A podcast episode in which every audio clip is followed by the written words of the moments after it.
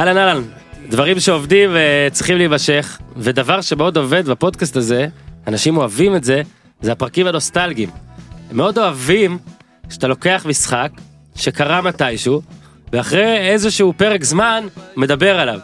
אז גלם וקנדאורוב היו כאן לפני איזה חודש חודשיים, אה, לדבר על החמש אפס הענק של מכבי חיפה על מכבי תל אביב, ורן זהבי היה כאן בשבוע שעבר כדי לדבר על השלוש שתיים של מכבי תל אביב על הפועל תל אביב.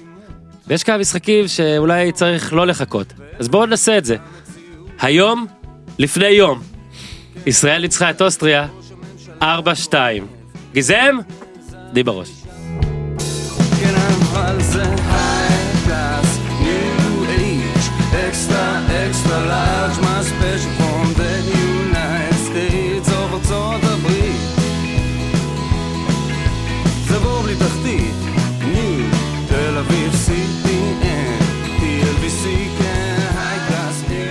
אהלן אור יוזל, אהלן ניר צדוק. נו, מה? בוקר נפלא. אנחנו יותר מדי זמן אחד עם השני באותו חלל. אז הנה אנחנו שוב. שמע, הרבה זמן, לא נפגשנו הרבה זמן זה מרגיש לי. נכון, מאז סימו ודובי. זה, כן, אתמול אה, אורי, אה, נספר לך ניר, לקח אותנו לאולגה לשיפודים.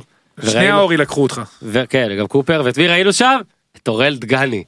וזה היה, וטל בנין. כן, זו הייתה סגירת מעגל בעצם, אולי לכל המשחק הזה. אוראל דני ורעייתו אה, מאוד מאוד. נחמדה, טוב. ובהחלט... שהיא אה, מחולון.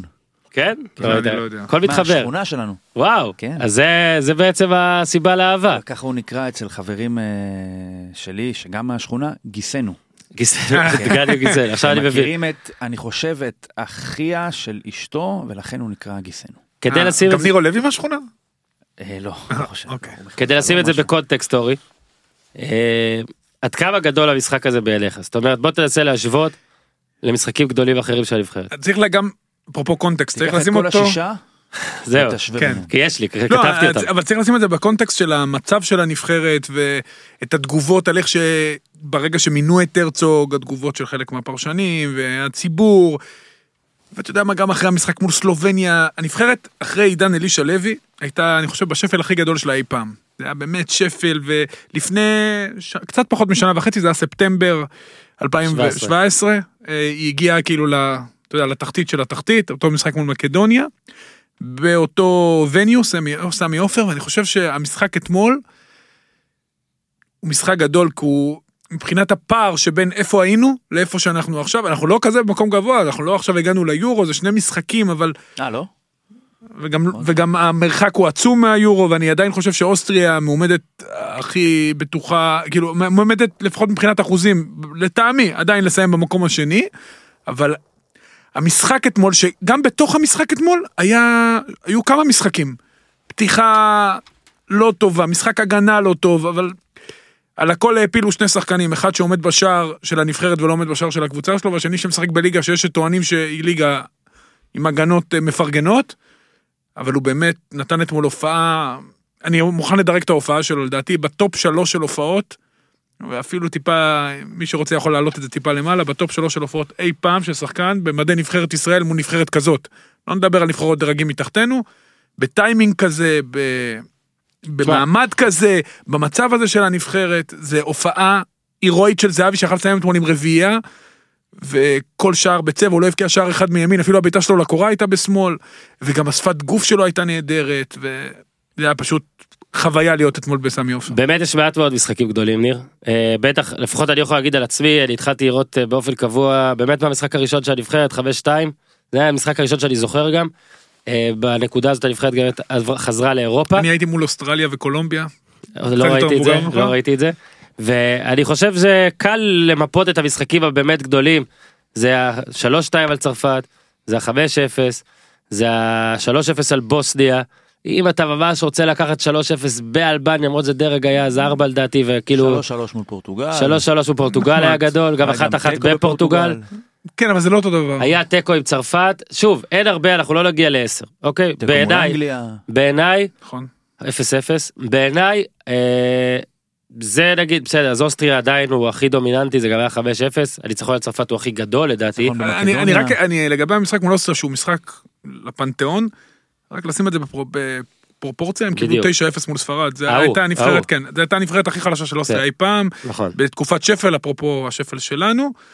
ויפה שבשניים המשחקים, אני אקרא לזה משנה הכיוון של הנבחרת, או שלושה היו משנה כיוון, אתה כתבת על זה טור מאוד מאוד יפה. אה, שותף אותו אדם, הפעם הוא בצד שלנו. וואלה, יש לו, יש לו מזל, יש לו תחת. אז זהו, אז אוסטריה הזאת, אוסטריה הזאת גם. אוסטריה קצת יותר טובה, בוא נגיד, מהאוסטריה היא אפילו הרבה יותר טובה. התקדמה מאוד מאותם שנים. והמצב של הנבחרת הוא הרבה פחות טוב, נראה, ומבחינת כוכבים גם המצב של אוסטריה הקודם, באמת בעיניי טופ שלוש הופעות של הנבחרת מאז שחזרנו לאירופה, ואני עדין, לגבי זהבי, לא, לדעתי ברמה הנבחרתית אני לא מסכים, אני חושב שהיו לנו... צרפת זו הופעה יותר טובה, וכמו לא, צרפת ואוסטריה לדעתי. יש עוד כמה, בוא- יש עוד כמה, אני חושב שלא כן, צריכים אבל להתווכח, ככל אתמול דור הייתה כבוד... מחצית ראשונה טובה. של- זה מה שאני אומר, 30 דקות ממש לא טובות, ואז הצלחנו להיכנס למשחק לאט לאט. שוב, לא איימנו הרבה על השאר, אבל אני אני רוצה להגיד, אם מבחינת ה... תיקח את המחצית הזאת ותריץ אותה אחורה ותלחץ פליי עוד פחות פעם, טוב. מסכים איתך. נגמר 5-1 לאוסטריה. אני מסכים איתך, אה, ארוש היה לו רצף של עצירות. עוד פעם אחורה ואז תעשה עוד פעם פליי, ייגמר 4-1 לאוסטריה. תריץ אחורה תעשה עוד פעם פליי, ייגמר 6-1 לאוסטריה. לכן סייגתי, תריץ אחורה תעשה פליי 2-1 לישראל. קודם כל, לכן סייגתי את מה אז שאומרים. אני, אז אני אומר לך שמשחק לא חייב להיות גדול 90 דקות כדי שהוא יהיה גדול, אני אדבר איתך על הכל ביחד, אז אני חושב שזה אמנם לא צרפת ואולי גם לא ה-5-0, אבל זה ב-level, זה בטופ 3, ב-levelים ביחד עם ה-3-0 על בוסניה וכל המשחקים האלה. בואו גם כן, 3-3 נגד פורטוגל שאנחנו בוחרים להתלהב ממנו זה עדיין 3-1 שהפסדנו ל-3-3, כן, שזה בעיה. אבל לגבי זהבי, אה, זה די פשוט, אתמול כולם אה, נתנו לו ציון 10, כל מי שדירג, גם בידיעות הבנתי שהבוקר ציון 10. ציון 10 היחיד שהיה זה ברקוביץ' באוסטריה, שזה היה שני גולים ובישול ועוד חצי בישול. אה, אז זהבי אתמול גם בשידור אה, נאמר בישול שבאמת ההיגיון רוצה לתת את זה בישול אבל זה לא בישול כי נסיכתי ואז אה, עם הריבאונד. אבל בעיניי זה שתי, שתי ההופעות הכי טובות ברקוביץ' והוא. מאז שוב מאז שחזרנו לאירופה מה שאני רואה אני לא אדבר על דברים שלא ראיתי אני בטוח שהיו הופעות מדהימות של שפיגלר בעבר ואחרים. אבל אני לא ראיתי. בדור האחרון, 25 שנים, בדרך כלל זה כן. דור. אז זה אחת משתי ההופעות הכי טובות. יש לא לי היה איזה משהו מול ציילון ב... טיוואן אה, 9-0 היה 59? שלום תקווה ניר לוין. בני טבק מול פורטוגל, בסדר, זה לא, אנחנו לא לא צריכים... כל דור וכבודו ומקומו. ברור, אני חושב בדור הנוכחי זה הופעה... גם שלושה אגב עזוב. עוד מעט גם ניכנס לגולים והכל. עד עכשיו נתנו שלושה ערים מול יריבות מדרג 6 ב... מאז שחזרנו לאירופה. מלטה לוקסמבורג דברים כאלה. לתת שלושה נגד דרג 2 אני עוד לא מצאתי אגב אתמול הייתה הצעה שזה אולי טבק אבל בדקתי פורטוגל הייתה דרג 3 באותו. דרך אגב, לגבי. לוקסמבורג היא כבר לא דרג 6. אני אעדכן היא אתכם, הייתה. נכון? היא היום דרג 4 פלוס. זה לא רטרו אורי. לא, לא. אז בוא נתחיל נתחיל מתחילת המשחק. אה, גם לא היינו פה על אה, אחרי יום חמישי לא היה פרק כי האולפן היה סגור איתי. בסדר הוא מסמן שאין ברירה הוא צודק הוא גם היה חולה. אני נדבקתי ממך נגיד אני כבר שלושה שבועות ככה. אה, אז ביום חמישי היה תיקו. שיצאנו יצאנו בתחושות אה, כאלה ככה ככה אבל אני חושב שזה שהרצוג היה מאמן ולא נגיד מאמן ישראלי ואיך שהרצוג דיבר אחרי המשחק עזר לו גם שנקבל את התיקו הזה ביותר הבנה.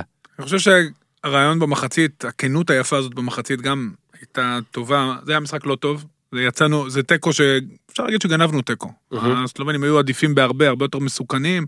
היו לנו רבע שעה, אה, היו 15 דקות טובות במחצית השנייה, מעבר לזה, מחצית ראשונה חלשה מאוד.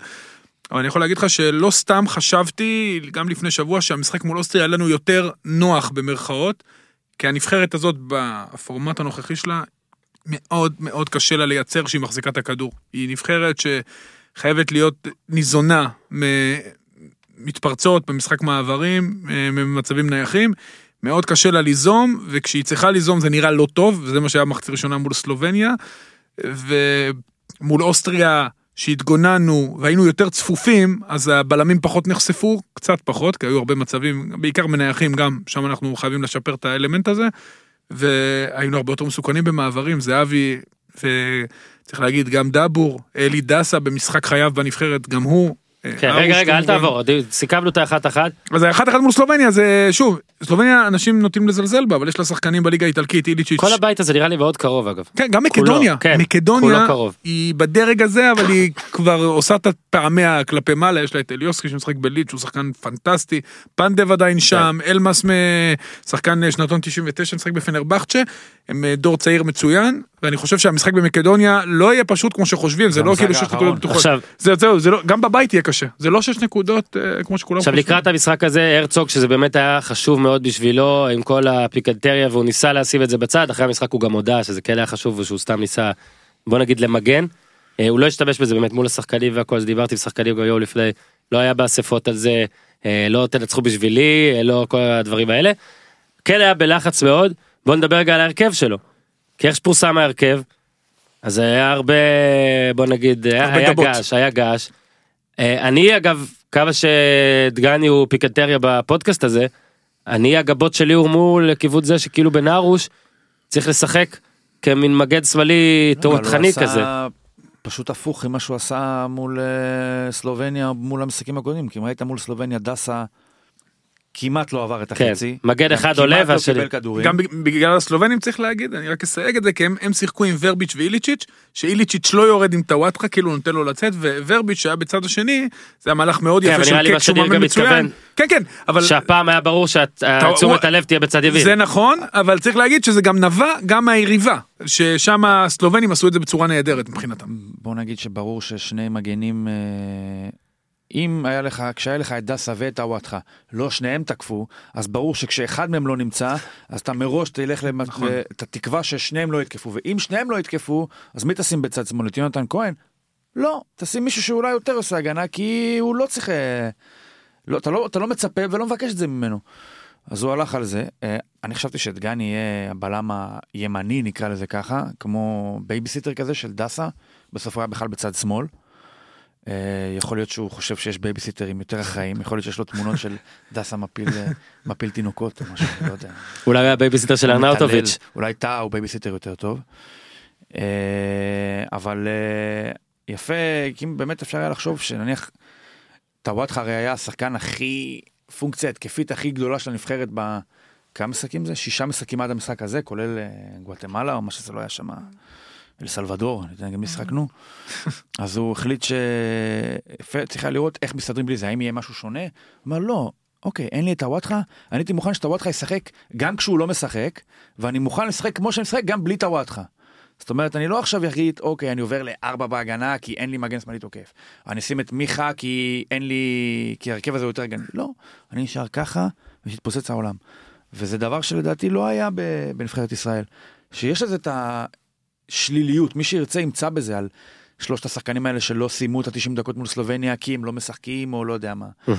ואתה יודע, תוצאות לא, לא מתווכחים. עצם זה שנבחרת ישראל שמרה ארבעה חודשים אחרי על אותם 11, אז יש בזה גם דבר חיובי. נכון, הוא עשה גם, צריך להגיד, הוא עשה איזה שינוי טקטי. כן. הוא שינה בקישור מ-1 ו-2. לשתיים ואחד. שניים לפניו, הוא שינה ל-2 ו-1. זאת אומרת, הנבחרת שיחקה 5, 2, 1, 2. מול סלובניה נתחו היה אחורי. נתחו אחורי ופרץ וקיאה קדמיים, לפניו, ומה הבעיה של של אה, נתחו הייתה במשחק הזה מעבר לעובדה שהתפתח, שהיו רווחים גדולים מאוד בין ההגנה להתקפה ואז זה חשף את האיטיות שלו, שעכשיו הוא בעצם חילק במרכאות את הצדדים בין נתחו לפרץ, ואז היה לו יותר קל לשלוט באמצע, גם הנבחרת הייתה יותר צפופה, ולגבי מה שאמרת אני ממש מסכים, מסכים עם כל מילה, יש לו דרך, יש לו כיוון, הוא יכול לעבור לארבעה בהגנה כמו שהוא עשה באמת מול סלובניה, אבל הוא החליט לעשות מינימום שינויים, מה הכוונה? ברגע שהוא מכניס את דגני. שדרך אגב בדקות הראשונות היה לו מאוד קשה בשמאל הוא כאילו היה מחצית ראשונה איומה. כן הוא לא הוא לא. מצא את עצמו אבל זה קשה מאוד לבלם אנשים לא זה נראה להם ניואנס אם אני בלם ימני שמאלי מה זה משנה זה מאוד משנה גם בתיקולים גם בגישה לכדור ודגני שכל הזמן משחק או מגן ימני או בלם ימני פתאום בצד שמאל היה לו קשה ההיגיון של הרצוג אחרי המהלך הזה היה מאוד פשוט לא רוצה לשנות תפקיד לשלושה שחקנים בשביל בשביל שחקן אחד אני עושה שינוי אחד מזיז את בן ארוש. אה, שמאלה, תפקיד שהוא שחק מחצית שנייה מול סלובניה, שם את גני במקומו, ואז אני לא צריך להזיז את טאה וייני, שהם אה, יישארו במקומות שלהם. 17 אלף אוהדים בערך הגיעו למשחק אתמול אחרי ש-12 משהו כזה הגיעו למשחק ביום חמישי. אה, הוכחות שאולי כדאי לפתוח קמפיין באצטדיון קטן יותר. תיצור מין אפילו באז כרטיסים כזה. טרנר כמו שהרצוג רצה. עוד דבר שראוי לציין אורי. מאז הניצחון 4-0 על אנדורה בסמי עופר. המשחקים של ישראל הרשמיים בסמי עופר היו מול איטליה נקלענו לפיגור. מול אלבניה נקלענו לפיגור. מול מקדוניה אמרת נקלענו לפיגור ויותר מזה. אה, מול סקוטלנד נקלענו לפיגור. מול סלובניה נקלענו לפיגור וגם אתמול. ואני לא יודע כבר אם זה רק סמי עופר אני לא יודע אם זה כבר השיטה כמו שהרצוג אמרת אז ברעיון מחצית אמר כל מה שעשינו באספה בישיבה כל מה שדיברנו עליו אנשים לא ממש עושים אולי זה חלק מהדברים האלה. אבל יש איזה עניין פה עם זה. בוא רגע נדבר על זה לאתמול ספציפית. דקה שמינית, כולנו הרי מפחדים בהגנה מה, מהתיאום, יותר נכון מהיעדר התיאום. אני מניח שבין שניים לא מתואמים המצב הוא הרבה יותר טוב מאשר שאתה שם שלושה לא מתואמים ביחד ואולי בעצם חמישה אפילו. כי בקו ההוא של בן ארוש, דגני, ייני, טאה, נגיד אפילו אתה לוקח גם את דסה למרות שאתה יכול להגיד ייני ודסה יש איזה קשר, אין כמעט קשר. וזה היה גול ש... שער קל להחריד. תשמע, ראו איך הוא מתעצבן ארנאוטוביץ' על זה שלא מוסרים לו, מוסרים לו והוא עדיין מספיק הכל. בוא רגע נדבר, אז זאת הייתה טעות של כולם בעצם. זה היה שער קל להחריד. אה, התחיל דרך אגב במי ש... קצת אוהב טכניקה בכדורגל, שירת את הכדור הארוך של באום גאולטינגר, השחקן של לברקוז, הוא נתן שם חצי ללזארו, הכדור טס במהירות ואפשר לו את הבידוד על בן ארוש. ואז שייני יצא אחר כך לשול, דרך אגב ארנטוביץ' רצה את הכדור, הוא פשוט, שול לקח לו אותו ואז הוא המשיך את התנועה, הבלמים לא קיבצו, היו... לא יכול להיות שחלוץ עומד באמצע הרחבה על הפנדל ככה לבד, כאילו זה הוא נראה פה כאילו בחופשה. חמישה אנשים נתקלו אחד בשני. עכשיו אני, אני, אתה מייחס, שוב, סמי אגב, זה עופר, מה שקרה לפני הגול הראשון של ישראל, שחמישה אנשים נתקלו אחד בשני, פשוט במקרה בסוף הכדור הגיע לדסה. היית שם. נכון, נכון, היה אה, פינבול קיאל כזה. נתקע בו ופרץ נתקע בעצמו ואיכשהו הכדור הגיע נכון. נכון, ושוב, אה, אני לא חושב שצריך לייחד, צריך לשים את הקמפיין, קמפיין אלישע בצד, זה היה באמת הקמפיין הכי חלש של הנבחרת אי פעם, כן, שאלתי אותך על ארנאוטוביץ', שים אותו אי בצד. פעם, לא, אז אני אומר, אז פיגרנו בסמי עופר, בסדר, אה, אני אוקיי, חושב אוקיי, שבתקופת הרצוג, הנבחרת, גם כשהיא מפגרת, שלוש פעמים. נכון, שלושה קאמבקים. אפילו בסקוטלנד, שהובלנו והם הפכו את התוצאה, הנבחרת שיחקה עד הסוף, ואם לא חמד, אתה יודע, עוד יכולה להבקיע שם, יכלנו גם לעלות לחצי גמר ליגת האומות. כן כאילו זה. נבחרת שמשחקת עד הסוף, היא מאמינה. בעצמה. הגול הזה, לא רק שקירב אותך אולי דרך ליגת האומות לעלות בסוף, בכל זאת, הגול הזה שם אותך דרג שלישי ולא רביעי, הגול בסוף. נכון. אז כן, הנבחרת. מראה, כן. אז כן, הנבחרת מראה שהיא באמת יודעת לחזור, וזה באמת מדהים, אני לא זוכר את זה. היא גם אני מאמינה לא זוכר בעצמה, את הנבחרת נכון. שיודעת לחזור, שלוש פעמים באמת חזרה, סקוטלנד מ-1-0 ל-2-1, סלובניה רק לתיקו, ואתמול, אה, בוא רגע נדבר, איך שקרה הגול באמת, ישבתי הרי מאחורי הרצוג, זה היה גם הזדמנות להגיד תודה לקהל, גם אורי אה, היה איתם, אה, אורי היית טוב, חייב. להגיד, היית בסדר. היית סביר. אתה רואה את התחלתי הרצוג, בטוב, ירדתי לבסדר ולסביר לא, תוך לא שתי לא שניות. כן, היית ממוצע לחלוטין. ראו את אה, איך שהרצוג שאחרי סלובניה היה בטירוף ועצבני אחרי הגול של, של הסלובנים, בגול של האוסטרים מין אה, משלים כזה מיואש כזה, כאילו אומר וואלה זה מה יש או זה מה אין, כאילו בקטע של ה- בקטע ההגנתי, וזה באמת באמת יפה שהצליח לחזור מזה. זאת אומרת, אני גם מאוד אהבתי את השפת גוף, לא- הוא לא שידר פאניקה, ואתה לא יכול לשדר פאניקה דקה שמינית לשחקנים, והאוסטרים המשיכו לשלוט, ואתה יודע, הוא הוא סידר את הדברים, הוא הרגיע, הוא שידר רוגע, יהיה בסדר, הוא שידר לשחקנים אמונה בזה שהם יכולים לחזור. וזה דבר מאוד חשוב למאמן. אם מול סלובניה שנכנסנו לפיגור, הייתה תחושה שהשחקנים כאילו אמרו, זהו, למה לפחד לטעות? מה אנחנו מפחדים? יאללה, אנחנו כל המחצית הראשונה שיחקנו בפחד כשכל טעות שלנו נענש, יאללה, השתחררו ובאמת הנבחרת התחילה טיפה לשחק, איזה 20 דקות, אה, זה 20 דקות היחידות טובות מול סלובניה. 20?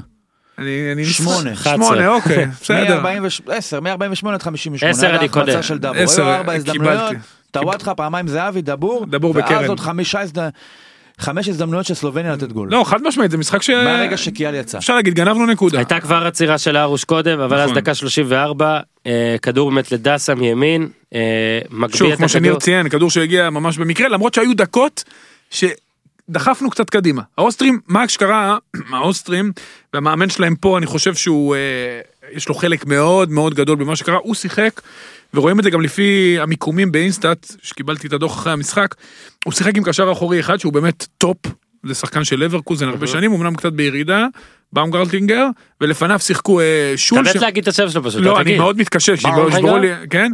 שול לפניו ושלאגר שמשחק עם אה, דאבור ברדבול. ושני המגנים שיחקו מאוד גבוה, כי לזארו הוא בכלל מגן כנף, ואולמר גם שיחק גבוה בצד שמאל. מה, ש...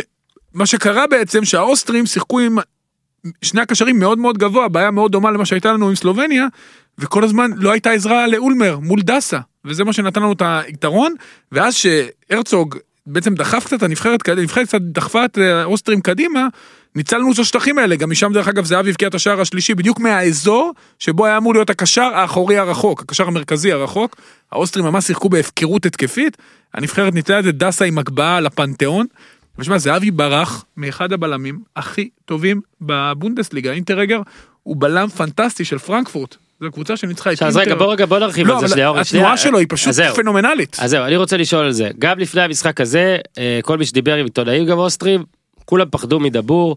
אה, לפני המשחק מול סלובניה, אני אפילו לא זוכר מי זה. נו ברור, כי אם אתה היית משחק אה, מול נבחרת... אה, לא, לא, הכוונה... לא, מונטנגו בצ'יראי. לא, עזוב, נבחרת שלי- סלובקיה, ויש לה שחקן שמשחק בליגה. בליגה הישראלית, היית אומר, או, פה פה פה, ויש לה עוד איזה אחד שמשחק בצ'ין צ'אן צ'ון בסין, ונותן שם 40 גולים. אתה אומר, צ'ונג זה טוב. טוב, נו, בסדר, זה בסין. אז ברור שהם יפחדו מדבור. אני, אה, לא, אז רק שתדע שרון אביקם למשל סיפר לאחד העיתונאים, כך הוא אמר לי, שאחד העיתונאים לא ידע ואמר סין, הכל, הוא שאל אותו, ואז כשאביקם הראה להם את הנתונים, התפחלצו. עכשיו השאלה, אה, אי אפשר להתכונן לזה? שאי אפשר לעצור, שוב, זהבי. איך יש- בהגנה מתכוננים לדבר הזה? קודם כל מתכוננים, יודעים על התנועות שלו, מכירים אותו, אני, אני בטוח שגם ברמות האלה מכינים אותך, ידעו שזה, ידעו על זהבי, אה, הוא לא יודע לגבי עיתונאים, אז, לא, לא, זהבי אני מדבר על הקבוצה, הוא שמוכר הסתם. באירופה, הוא שיחק גם מול שחקנים אוסטרים, גם בבאזל, הוא שיחק מול באזל, אה, גם מכירים אותו, הוא באמת שמוכר, זה לא איזה שחקן לא, שהגיע שואל, משום יש מקום. דרך, איך מתכוננים, כל הזמן מתכוננים. כדור, איך אה, אפשר להתכונן נגד זה? ברגע שהוא אז- מחליט לזוז את השני מטר ימינה האלה, זה נראה ש... זהו, זה לא לזוז, השינוי קצב שלו. בכיסוי בפוטבול למשל. נכון. נכון? היתרון הוא תמיד לבן אדם שיוזם כי השני נכון. מגיב. עכשיו אתה יכול להגיב מהר וטוב אז לכן אתה תצמצם את הסבירות שיקרה נזק כי אתה מגיב יותר מגיב מהר והכל אבל עדיין הראשון שיוזם מבין השניים היחיד שיודע לאן זהבי ילך זה זהבי. גם- זה לא כבר לא בטוח. מה, הוא יוזם, מה שניר אומר, הוא כל כך מדויק. זהבי הוא זה שיוזם את התנועה, ולא רק את כיוון התנועה, גם את תזמון התנועה. עכשיו ברגע אתה שיש יכול רק הגבהה, להגיב לזה. בדיוק, ברגע שיש הגבהה כל כך טובה, קדסה נתן את הכדור בצורה באמת, מושלמת, באמת, נכון. מושלמת, בדיוק גם, תראו את ההילוך החוזר, בדיוק כשזהבי עושה את הצעד הראשון, ואינטרגר, אינטרגר, למרות שהוא ניסה לתקוף את הכדור, אין לו סיכוי להגיב. בדרך אגב, בשלושה בלמים יש מין, לפעמים חלוקת אחריות במרכאות, שדווקא מונעת משמירה יותר קרובה לשחקן, והיום גם קשה לתפוס ברחבה, בגלל, אה, אתה יודע, אבל שהשופטים אתה היום גם מקפידים. יודע, נניח למשל יש לזהבי ש- פשוט את- החוש הזה. תשמע, הבלם יכול גם, תשמע, גם הבלם יכול ליזום תנועה וזהבי צריך להגיע, אבל זהבי לא אכפת לו שהבלם ילך. כן, זה עדיף לי, עדיף לי הוא אומר. זהבי יכול אה, פה, ב, ב, ב, נקרא לזה בדוק רב הזה, רק לבלם אכפת מזהבי, לזהבי לא אכפת מהבלם. כן, עכשיו. גם בסין דרך אגב השנה יש לו שני שערים בראש בשניהם מאוד מאוד שני שערים מאוד רואים שם הגביה לו טנג מיהו גם מגן ימני. דרך אגב מגן לא רע בכלל של כן. אה, גואנג'ו וגם שם הוא מסר את הכדור הצידה במקרה הזה לא הוא מסר אבל הוא תזמן את התנועה בדיוק. אתה יודע בזמן שהכדור יגיע וזה אני אוהב חלק אבל מהקסם את שלו. החלוקה של עכשיו של פריטתו של ערן זהבי למאפיינים מקצועיים. עכשיו אני לא אומר שאין שם מאפיינים מקצועיים ייחודיים וברמה אפילו ברמה אירופאית עולמית, גבוהה. כמעט גבוהה או גבוהה, לא משנה. אני חושב שאנחנו מתעלמים או לא שמים לב לזה שיש פה משהו שהוא איזשהו חומר שהוא בלתי ניתן למדידה או הגדרה או, שלא רואים אותו על המסך. עכשיו אתה יכול לראות על המסך, להסביר על המסך איך זהבי בא ואיך הוא זז, להגיד בואנה איזה תנועה, איזה חדות, איזה אינטליגנציה, איזה הכל. אבל יש דברים שהם גורמים לזה לקרות בלי שאתה תראה, אתה לא תראה, אתה לא רואה על, וסליחה על, על ההקבלה, בפרופורציה הנכונה לקחת את זה, אתה לא רואה על מייקל ג'ורדן מה עושה אותו למייקל ג'ורדן. אתה רואה את הכדור שהוא זורק ונכנס. אתה יכול זאת אומרת לבודד את הרגע שהוא קולע ולהגיד בואנה יש לו יד מדויקת, איזה אתלט, איזה זה איזה זה, אבל יש משהו שגורם לכדור הזה להיכנס ברגע הזה, ואת זה אי אפשר להגדיר, אפשר רק לעשות. אני, לא, אני אגב חושב שגם זהבי לא יוכל להגדיר את זה. מה עושה אותו ברגע הזה למה שהוא, ברגעים הספציפיים למה שהוא. ואני אגיד לך, הסברים של כדורגל מתאימים לשחקנים פחות טובים מזהבי. כן, אני יכול, ואפילו, כן, אתה יודע מה, עם חילול הקודש, על דבור, אני חושב שיותר אפשר להסביר בכדורגל. יכול להיות שבכדורגל לכשעצמו הוא טוב מזהבי. אבל בשאר רוח, נקרא לזה ככה, של כדורגל, זה מה שעושה זהבי לזהבי, ודבור, אור- שם דיבר- אותו ב-15 מיליון דולר בסביליה, אבל את השלושה מול אוסטריה, אם היה מישהו שיכול לתת, זה ברור שזה רק זהבי. עכשיו- אה, בוא נעשה הנחה קטנה לדבור. קודם כל מבחינת אני אגיד גם משהו על זהבי מבחינת גם מבחינת שחקנים צעירים שמסתכלים עליו. לגבי דבור אתה יודע גם לזהבי לקח זמן לבלוט בנבחרת. אני שמח שזה הגיע גם בשבילו ברור. עכשיו. גם לדבור זה ייקח צריך להגיד דבור די התעלמו ממנו בשנים האחרונות. הוא זה הופעה 15 שלו בנבחרת. בסדר, הוא צעיר. הוא צעיר בגיל 27 הוא לא כזה צעיר הוא היה צריך לשחק הרבה לפני זה. נכון. דרך אגב כמו בן גילו דור מיכה. אבל uh, לגבי זהבי וזה הגדולה שלו. ואני חושב שכל שחקן צעיר צריך לראות את זה כל הזמן הוא משתפר כל הזמן הוא מחפש אלמנטים במשחק. לשפר. אתה דיברת על הראש, באמת הוא היה פה, ואמר שהוא רוצה לתת השנה יותר, להבקיע יותר גולים עם הראש, אה, והוא אמר שבסין כבר היו לו שניים, והנה עכשיו זה עוד שניים. אה, השני אולי בעצם אפילו עם הכתף. יש פה רובוט. כן, הכניס פה איתי רובוט שהוא יצלם אותנו בעתיד. השני היה עם הכתף בכלל, כן, אבל שוב, זה ה... אחרי הגול הראשון הוא גם קרא לרד שדו מאמן כושר, שהוא גם מאמן כושר הפרטי שלו, הוא גם כושר של מכבי חיפה. ובאמת כשהוא בארץ הם עובדים על הדברים האלה, זאת אומרת, אה, מאוד מאוד היה חשוב לו לכבוש יותר עם הראש. עכשיו, אני מתחבר פה למה שניר אומר, אה, וברור גם, בוא נגיד, בסדר, כתבתי עליו ספר, אני מסכים לגמרי שיש המון המון דברים בזהבי, שכאילו פשטני מדי להסביר באמצעים של כדורגל. כל כך הרבה רגעי שיא בקריירה שאתה אומר כבר וואלה זה פסיכי ואגב ניר אומר שלפעמים זהבי לא יודע להסביר אז את הגול מול באזל בשתיים שתיים זהבי מודה שהוא לא יודע להסביר הוא אומר, אה, הוא אומר בחיים לא קפצתי לכזה גובה ואני בחיים גם לא אקפוץ אז לכזה גובה. אגב, את זה לא שמעתי אף פעם. אני אז הנה אני אומר לך. אני צורך את הבן אדם אה, במינימום. מה לא קראת ניר? במינימום האפשרי? לא, האמת שלא. עכשיו אבל אה, אתה יודע שזה בגלל ש... לא בגללי. בביתו של התלוי. אה, אני, באמת, אני צורך אותו במינימום האפשרי, אבל אתמול למשל, אה, אה, שאלו אותי, מה, מה כתבת, מה אפשר לכתוב, מה אפשר זה... אפשר להיות בן אדם שהוא לא מאוהביו, ואני לא מאוהביו, לא, שוב, לא אישית, נקרא לזה ככה. אה, מקצועית ספורטיבית, אני בצד הזה של, ה, של הסכסוך, אוקיי? אבל ואפשר במקביל, מה זה אפשר? חובה במקביל להכיר בזה שהבן אדם הוא עילוי בתחומו וזן מיוחד של אה, שחקן כדורגל. ולצערי זה הרבה פעמים היה על חשבוני. וזהו, זה, האמת, חייב, חייבים להגיד, מה לעשות? זה גם היה לטובתך ב-2010. לא רלוונטי, אני את הקטע הזה לא רואה. אם אתה שואל אותי. מה, לא היה לך רגעי אושר? היה, אבל עכשיו אני נניח לצורך העניין, עכשיו תשים, פה תפ- פתאום תצא פה, יצא פה מהקיר מסך טלוויזיה ותקן עליו את הגול בטדי, אני לא אראה אותו. אתה יודע. שניר צדוק סיים שם, הוא סיים שם מה, זה לא באחת מחזיר אחת. לך, זה לא לך דז'ה וו לרגעים... אה, הוא- סיים בטדי בתוצאה אחת אחת גול יפה של ורוט. לא הראשון לא. לא, לא, אנחנו ניצחנו. אבל לא- מישהו אחר הבקיע. אבל אני אומר ש... מזל טוב למכבי חיפה. מבחינת חזרה לאירוע ולחוויה של. כאילו להתענג על זה, זה אין לי. זה אני כן, גם הגיוני. ממני. זה חלק מהדברים לא, שנלקחו ממני. הכל בסדר. עכשיו זה שינה את ההווה, זה שינה את העתיד וזה שינה את העבר. וכן לגבי אורי אתה צודק באמת המילה והיא קלישאתית ואולי תעצבן זה רעב. אני יכול להגיד לך שאם אתה זוכר זהבי בכל הקטע שלו שהיה עם הנבחרת וגם אחרי שהוא כן חזר הוא לא רצה להתראיין בסקוטלנד ניר אנחנו היינו והוא לא רצה להתראיין אתה זוכר אחרי המשחק אתה הספקת. עכשיו הוא כן בא במוד קצת אחר ברור שזה גם אחרי הג- הגול בסקוטלנד שהיה ואז התחבר לגול אה, גוטמלה התחבר לגול בסלובניה שאחרי סלובניה אה, בוא נסביר לכם איך זה הולך. אה, התאגיד או הגוף המשדר בוחר את השחקן. בוחר שחקן אחד והוא צריך לבוא. אה, מן הסתם אחרי גול נגד סלובניה לא הייתה לו בעיה לבוא אבל אני כן יכול להגיד שאחרי סיימנו את הרעיון ההוא והוא הלך הוא אמר אני הולך להתראיין אצלך שם גם אחרי אוסטריה. אוקיי? זאת אומרת שהוא ידע שהוא יכבוש. והוא בימים האלה כן עוסק בדברים האלה למה הוא מתראיין רק אחרי שהוא כובש? כאילו אותו יבחרו. שקובע- אותו יבחרו לזה, לזה, לזה הוא רמז. אורן רומז שמחשבה יוצרת מציאות, אבל כן.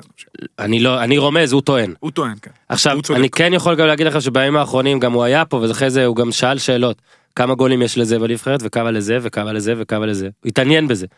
והוא קיבל טבלה בוא נגיד השתדרג מאוד בטבלה הזאת ואפשר אולי מצד אחד לבוא ולהגיד וואלה מעניין אותו רק הדברים האלה והמספרים מצד שני אני חושב שכל השחקנים הכי גדולים בעולם בתחומם אוקיי הכי גדולים בעולם לא זהבי הם אנשים שמחזיקים בדיוק בסט הזה של התכונות בדיוק באופי הזה אני בטוח בטוח בטוח שהגדולים ביותר בכדורגל שאפילו לא ניתן שמות כי יגידו שאני משווה כל היום עוסקים בעוד כמה גולים הם צריכים כדי לעקוף את זה וכמה גולים בצ'מפיונס אני צריך לתת כדי לעקוף את זה.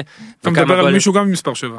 לא בכלל גם, גם, גם, נכון אבל גם. בכל ענף אני מדבר על בכל ענף אה, שגם הבקיע שלושה. ב-NBA גם בפוטבול שגם הבקיע שלושה כן וקיבל ציון 10. כן אבל מול שוער שביום חמישי אה, היה- מול חמישי לא. ו... אבל כן אני רוצה להוסיף פה משהו אחד.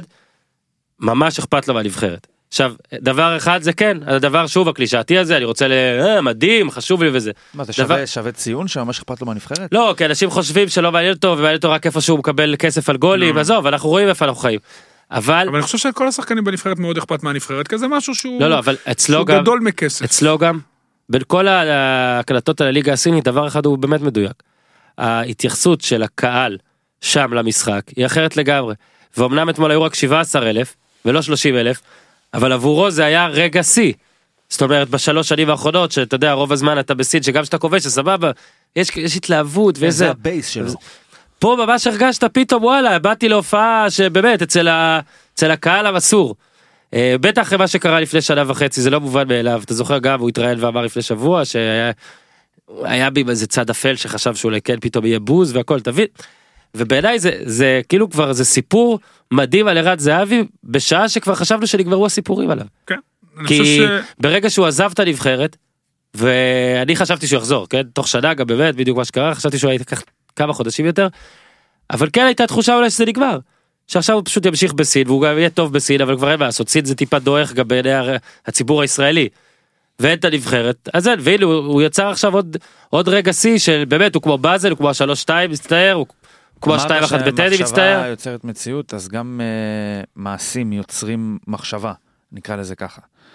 ותמיד כל שחקן ספורט בסופו של דבר הדיבורים או מסביב לספורט הם אולי uh, משמעותיים או מכעיסים או מייצרים שערוריות אבל הם עדיין רק נגזרת של האירוע עצמו זאת אומרת אין כמעט מעשה חוץ כדורגלני נקרא לזה ככה שמשהו כדורגלני לא יכול לבטל. וזהבי גם כשזרק את הסרט ופרש וחזר גם בליבו של הסכסוך תמיד נמצא מרחק בעיטה אחת, שתי נגיחות, אה, שלוש הרמות ממחיקת האירוע הזה, כי זה עדיין המעטפת. ועכשיו, אם יש בן אדם אחד שאפילו, לא יודע, בוא ניקח את זה קצת יותר רחוק את התיאוריה הזאת, אם יש בן אדם אחד שבמרכאות שווה לו ה... להתחכך באש הזאת, לא רק כי הוא ניזון ממנה אישית וזה מה שמניע אותו, זה מישהו שיש לו ביכולת שלו מהר מאוד לייצר זיכרון שימחק את הדבר הזה. זאת אומרת, אם זה היה להבדיל אלף אלפי הבדלות, סתם אני נטפל אליו כרגע, אבל זה לא הוא. חבשי. אוקיי, זו קצת. דוגמה לא טובה, חבשי. אני מצטער, אני לא, נכנסתי פה אולי דור לאזור... פרץ. לא, לאזור לא נכון, כן. דור פרץ.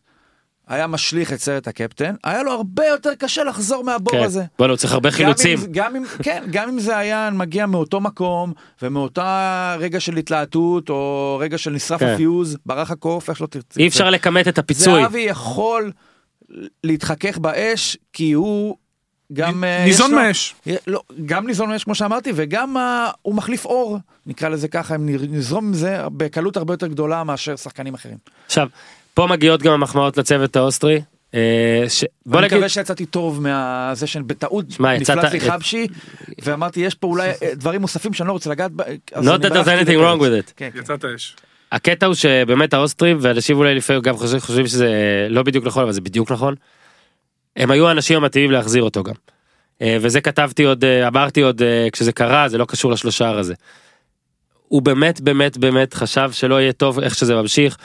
הציטוט המדויק גם היה 40 שנה לא עלינו ואם נמשיך אם הכל ימשיך להתנהל ככה 40 שנה גם לא נעלה ולא גם 40 שנה לא נעלה שיש הבדל.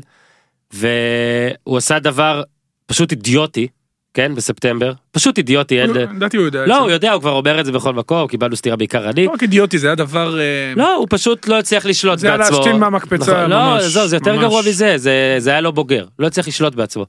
אבל ילדותי. אבל הנבחרת וזה באמת באמת כולנו ראינו וכתבנו לפני הייתה במצב קטטוני מכל בחינה ואגב הכדורגל לא היה הבחינה הכי חשובה ב- כן אבל זה לא במצב מוריד הזה. מעוצמת המעשה לא, שלו לא, לא. הסמליות בגלל שלו. אבל בגלל זה אבל התחלתי בזה שזה המעשה נכון. דבילי שם מה שאני אומר כשהאוסטרים התקשרו כשהרצוג, כשהרצוג התקשר כשרוטנשטיינר התקשר מיד איך שהם מונו.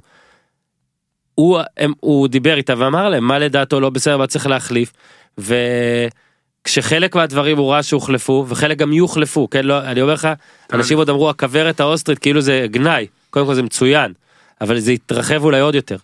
אה, ואולי עוד אנשים שהם הרבה זמן בתפקיד שלהם בסוף יוחלפו כי אין מה לעשות זה צריך לקרות אבל זה שהם החזירו אותו זה גם יפה מבחינתם זאת אומרת הוא לא היה חוזר אצל כל מאמן ואתה יודע את זה הוא לא היה חוזר אצל כל מאמן בטח שלא ישראלי אצל כל אחד אני לא מסכים. אני חושב שכן אני חושב שכל בטח לא אחד. שרוצה, בסופו של דבר מי שמגיע, מחליף את אלישע לוי, מגיע ופחות מי שאכפת לו מהסמליות של בן אדם שזרק סרט, הוא רוצה, ש... הוא רוצה להצליח. אז הוא את הפטריוטיות שלו שומר ליום הזיכרון היו פונים אליו אבל הוא העצמאות. לא היה מסכים הוא לא היה בא הוא היה שהוא מתחמק. אני חושב שהוא לא שהוא היה לד- בא לליגת האומות הוא אם זה לא הרצוג. מאוד, הוא מאוד רצה לתקן. גם לתקן, ואני חושב שבסופו של דבר, זהבי פה יצא לו מושלם מבחינתו, כל מה שקרה פה, הוא גם, אה, נקרא לזה, שבר את הכלים אחרי הזה, וגם, בסופו של דבר, הוכשרה החזרה שלו, אפילו בלי איזשהו, נקרא לזה, שימון הכרחי של אה, סליחה, אה, או משהו כזה, הרי הסליחה הייתה רק אחרי שהוא כבר כאילו זומן. זה לא- עזוב, נו, בסדר. אני לא רוצה לדבר גם על מה הסליחה. בסדר. כן? עד כמה איזה. אני חושב שזה היה קורה עם כל אחד, כי כל אחד שהיה קורה לו, הוא היה חוזר. זה למה לא היה קורה עם? כל אחד. אני יודע שזה לא היה קורה עם כל אחד, אבל שוב, לא- שוב, רגע, אני לא מדבר פה עכשיו על.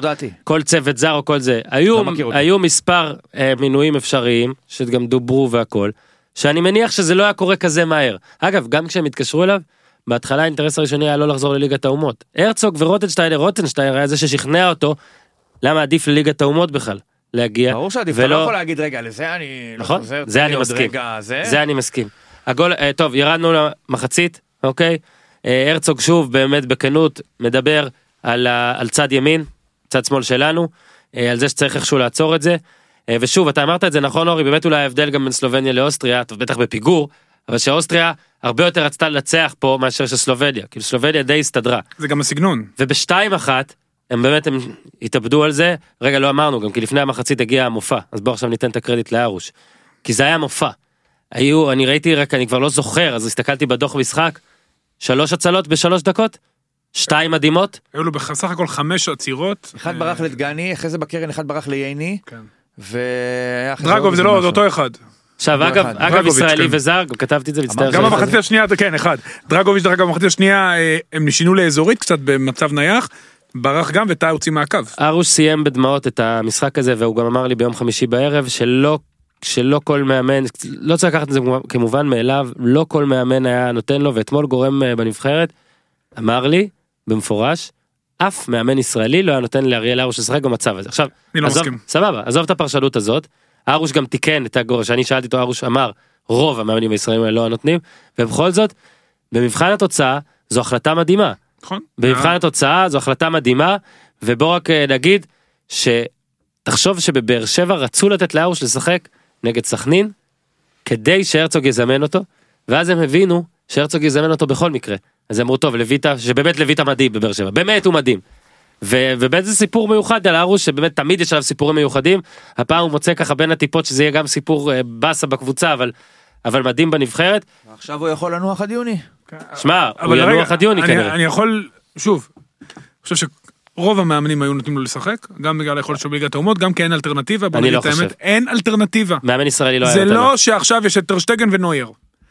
לא, אתה זוכר את המצב כזה שמאמן ישראלי נותן לשוער בוודאי שלו לשחק גינצבורג היה בגלסגו רנג'ר לא שיחק אה, עשירית שנייה. מה זה קשור? ב-89? אני לא זוכר אם בדיוק ב-89 אבל היו תקופות שבוני לא שיחק כשהוא היה בחול. והוא היה השוער הראשון של הנבחרת. אני אומר שאלישע. לוי נותן למרציאנו. יש מאמנים שכן, זה לא קשור בסדר, לזהות שלהם גם כזרים או אה, ישראלים. לא יודעים מה מה מרציאנו היה עושה. בדיוק. לא, אני גם, אגב, אני גם לא, לא לא, אומר, שנייה, הכל- בדיעבד, ברור. אני אומר שאתה לא צריך לייחס את זה לזהות המאמן כזר או ישראלי. הרצוג יש לו את הדרך שלו, האמין בארוש, שוב לא לא הייתה אלטרנטיבה, אם היה איזה שוער בולט, אה, אם היו, אורי, אבל אתה יודע יכול להיות למה שזה היה האמרה קורה. הזאת, אתה מבין את האמרה הזאת, זה לא שאני אומר שהמאמן ישראלי הוא מאמן רע, מאמן ישראלי הוא חי פה, הוא קורא, הוא צורך, גם הוא קורא, חושב מה גם אומרים עליו. הרצוג יודע, גם רוטנשטיין קורא, וגם רוטנשטיין לא קורא, הוא מקריאים לו והוא מתרגמים יודע, בוודאי. אז לא אני יודע. אומר לך שפחות אבל אכפת להם. הרבה יותר, לא, לא, הרבה יותר לא קל. להם, הרבה יותר קל להם לקבל החלטות במרכאות שנויות במחלוקת, זה נכון. אה, לא היו אלטרנטיבות, אבל, בוא נגיד את האמת. לא, מרציאנו בכושר טוב. בוא ניקח לדוגמה, כשהרצוג מונה, הוא עוד לא למד להגיד שלום, חתכו אותו. כבר היו ביקורות כלפיו, וזה דבר שלא היה קורה בחיים עם מאמן ישראלי, בחיים. אז אולי הוא לא קורא, ואולי הוא לא יודע מי זה ביבי נתניהו, או לא יודע מה זה גבעת חלפון, אבל כל החלטה שהוא מקבל, יש בה גם סיכון הרבה יותר גדול, למרות שהוא לא קורא, קוראים עליו, אוקיי, כותבים עליו, לא משנה אם הוא קורא או לא, כותבים עליו יותר משהוא כותבים על מישהו אחר. כי אם ארוש למשל, אתה יודע מה, עזוב ארוש, בוא שוב פעם נחזור לזהבי. אם הבן אדם בא אתמול פחות ממוד מייקל ג'ורדן, נבחרת ישראל מפסידה אתמול. נכון. אם עשה ככה ועשה אחרת, נכון, וארוש נכון. ולא ארוש. אז היום, אתה יודע מה היה קורה היום, ומה היו אומרים? איך, נתחו, ואיך קיאל, ואיך ארוש, לא ואיך דגני, לא הזמנת ואיך אותו בהתחלה. דגני, ודגני ובן ארוש, הרי זה עוד לפני שהתחיל המשחק, כבר כל התמה הייתה, מה אנחנו רוצים, דגני ובן ארוש ביחד? מה קרה, לאיפה נגיע, מי עושה מיכה? דברים כאלה, מה אתה לא מכיר? אגב, אבל זה לא מופרך? לא מופרך לחשוב לא על זה. אומר שזה מופרך, אבל זה כבר ראית מה קרה עוד לפני שהפסדת. נכון. תחשוב מה קורה אם היית מפסיד. אני יכול להגיד לך את זה לפחות על עצמי, אני לא אחראי פה למה שכל אחד כותב. אני דווקא ברגע שהרצוג בא ומתראיין בקלות כזאת, אוקיי?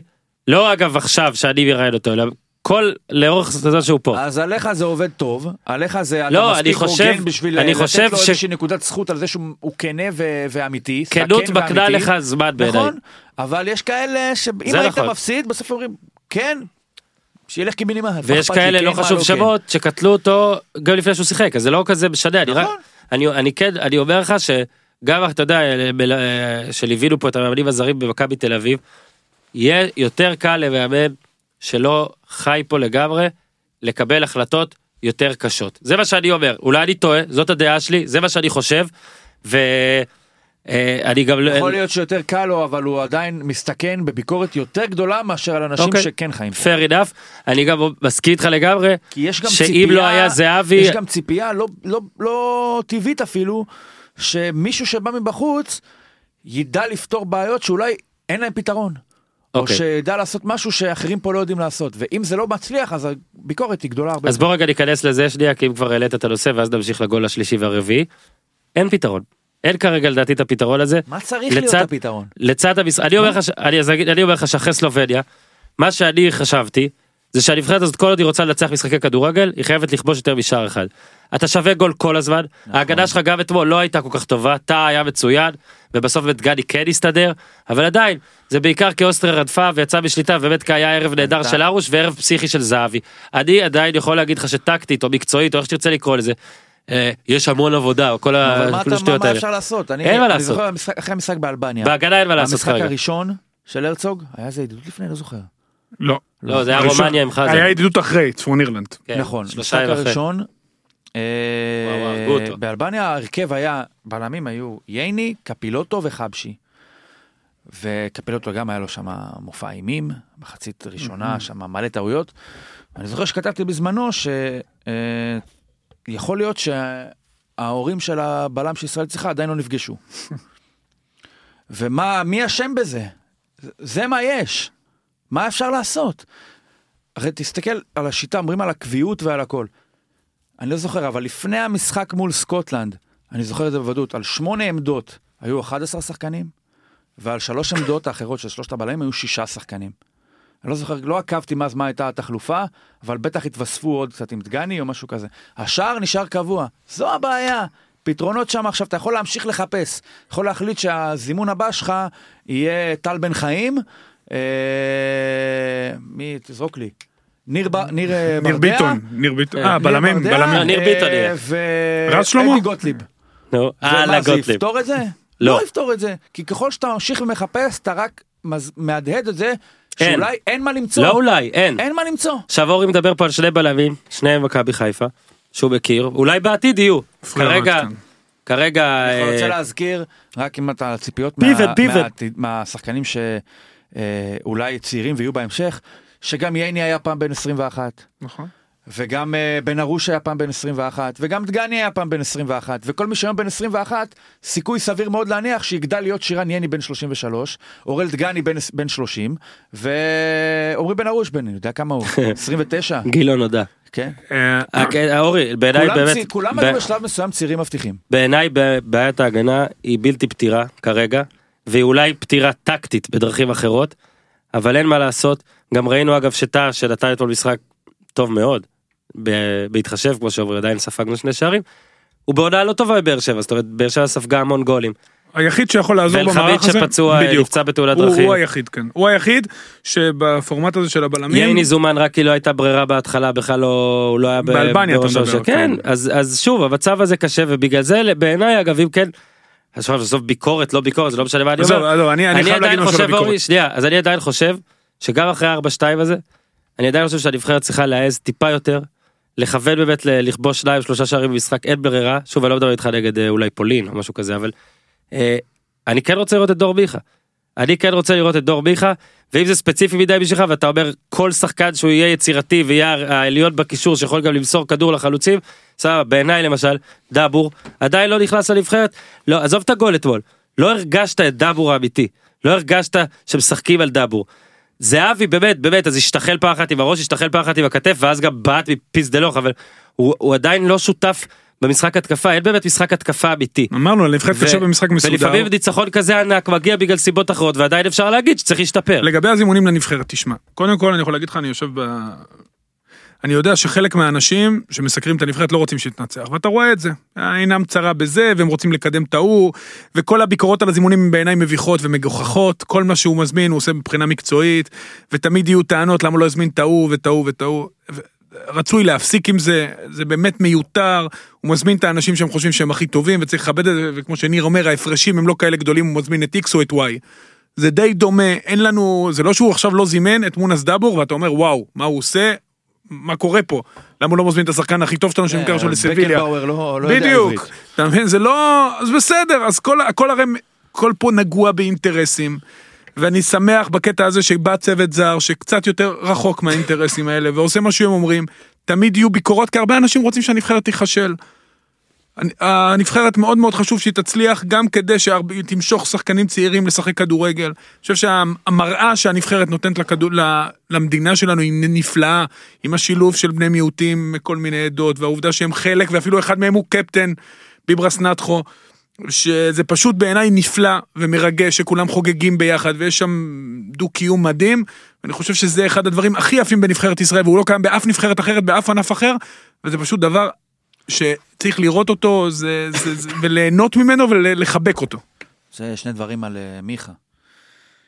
אני חושב שבהפוך על הפוך, זהבי הזיק מאוד למיכה אתמול, כי אני חושב שעדיין התוכניות ההתקפיות של נבחרת ישראל, יותר ריאלי שייבנו על התעלות של אדם שמוכיח שהוא מסוגל להתעלות, מאשר שייבנו סביב דור מיכה כשחקן הרכב, ולמה אני אומר את זה?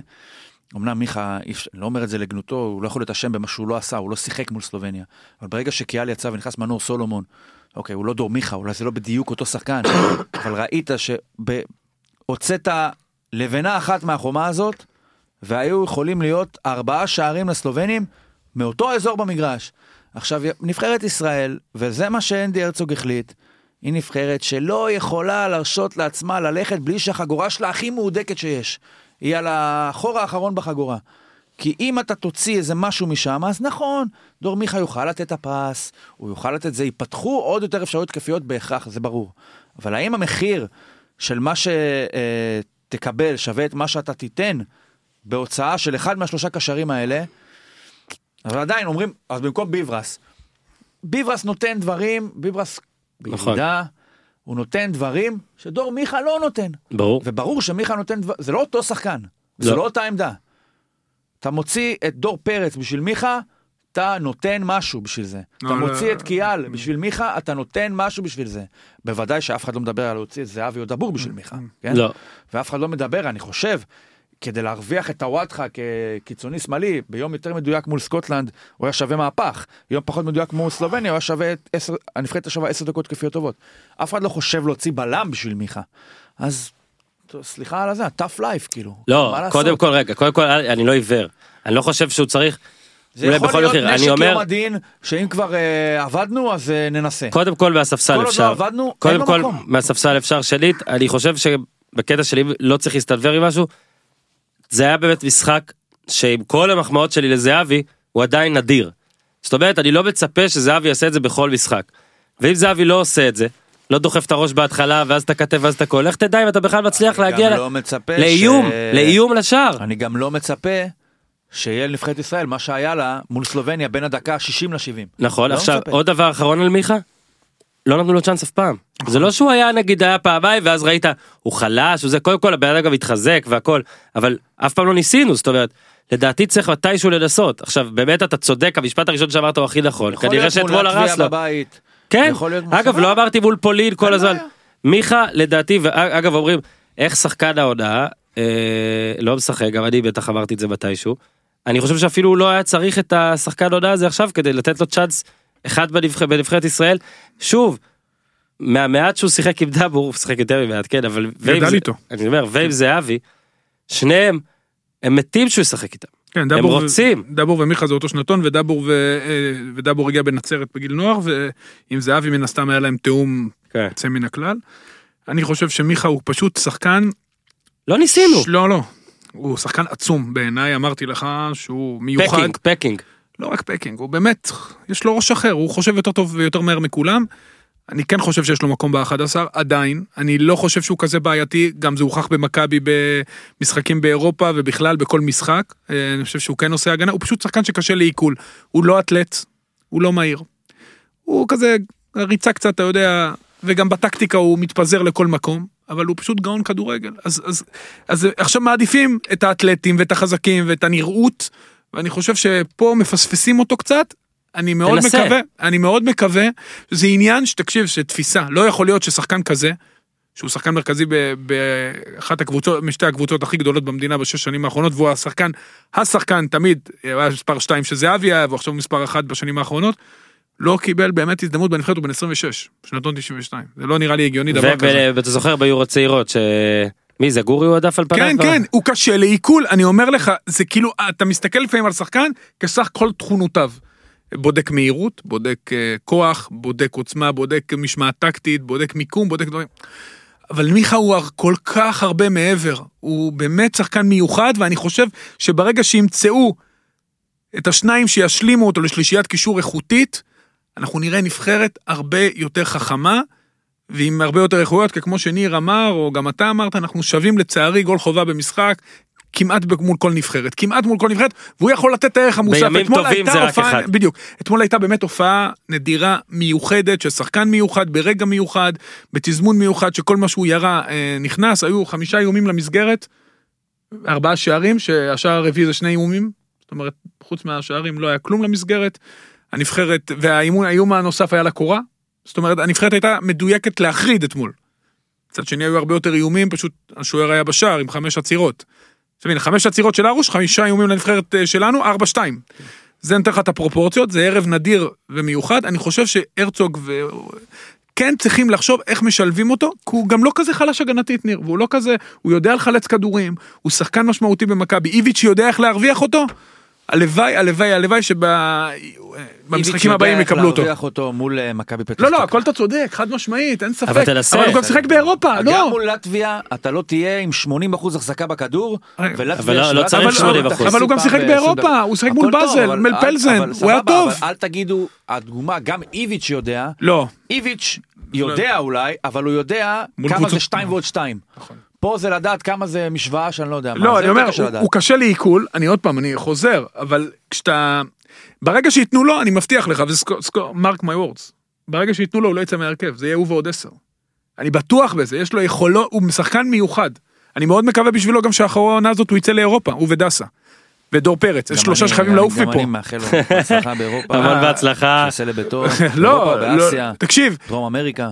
זה, זה באמת שחקן עם אה, ראיית משחק שונה. היה לנו בזמנו את ברקוביץ' כזה, הוא לא ב... אני לא חושב שהוא בקליבר הזה כמובן, כי ברקוביץ' היה בטופ חמש המוסרים בפרמייר ליג, אבל דור מיכה, הוא- תקשיב, והעונה הזאת הוא עשה שדרוג, אני מקווה שזה יבוא לידי ביטוי בנבחרת במשחקים הגענו ביוני. לגול השלישי באמת, אה, טיל בשמאל, היה לו שם איזה שלושה מטר להתקדם, אה, ואז הוא עשה את ה... את הורדת חולצה וירייה באוויר שאני יכול להיות, אה, אני לא יודע אם להיות גאה בזה או שזה ווירד, אבל זו פעם שנייה שהוא עושה את זה, פעם אחת זה היה בסין, פעם אחת פה. הייתי בשני המשחקים אורי, אולי זה קשור אליי, ואז הגיע באמת הכדור לדאבור, ואני יודע מה אני רוצה לדבר על עוד נקודה לפני זה, ניר כתבת את זה בטוויטר, זהבי בזון של החיים, העונה החטיא בעיטה חופשית ששפשפה את הקורה, ואז יש כדור חופשי יותר קרוב, והוא נותן אותו לדעתך. ניר- זורק אני פה, אומר כל הכבוד לביברס. בכלל בן אדם נכנס בין המכחול לבד. כל הכבוד. כאילו, לא צריך הרבה, צריך ביצים. ממש. ואני בטוח גם צריכה להיות אהבה הדדית. אתה צריך להכיר את הצייר, בוא נגיד ככה. אתה לא יכול לעשות את זה בלי שאתה מכיר את הצייר. לא רק להכיר, כאילו, שהצייר יכיר- לאהוב את הצייר גם. שהצייר שיאהב אותך, בדיוק. כן. והוא נכנס להיכנס. זה אגב תמיד מפתיע אותי באמת בזהבי, זה לא. מתחבר לי, לא כל מתחבר לי. הכבוד. מה שאני רוצה להגיד על הגול הזה.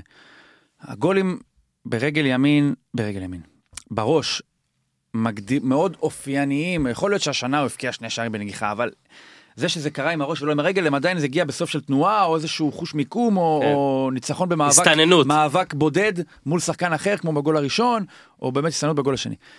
עדיין, אני חושב שכל שחקן, לא רק זהבי, צריך איזשהו גול שהוא מחוץ ל...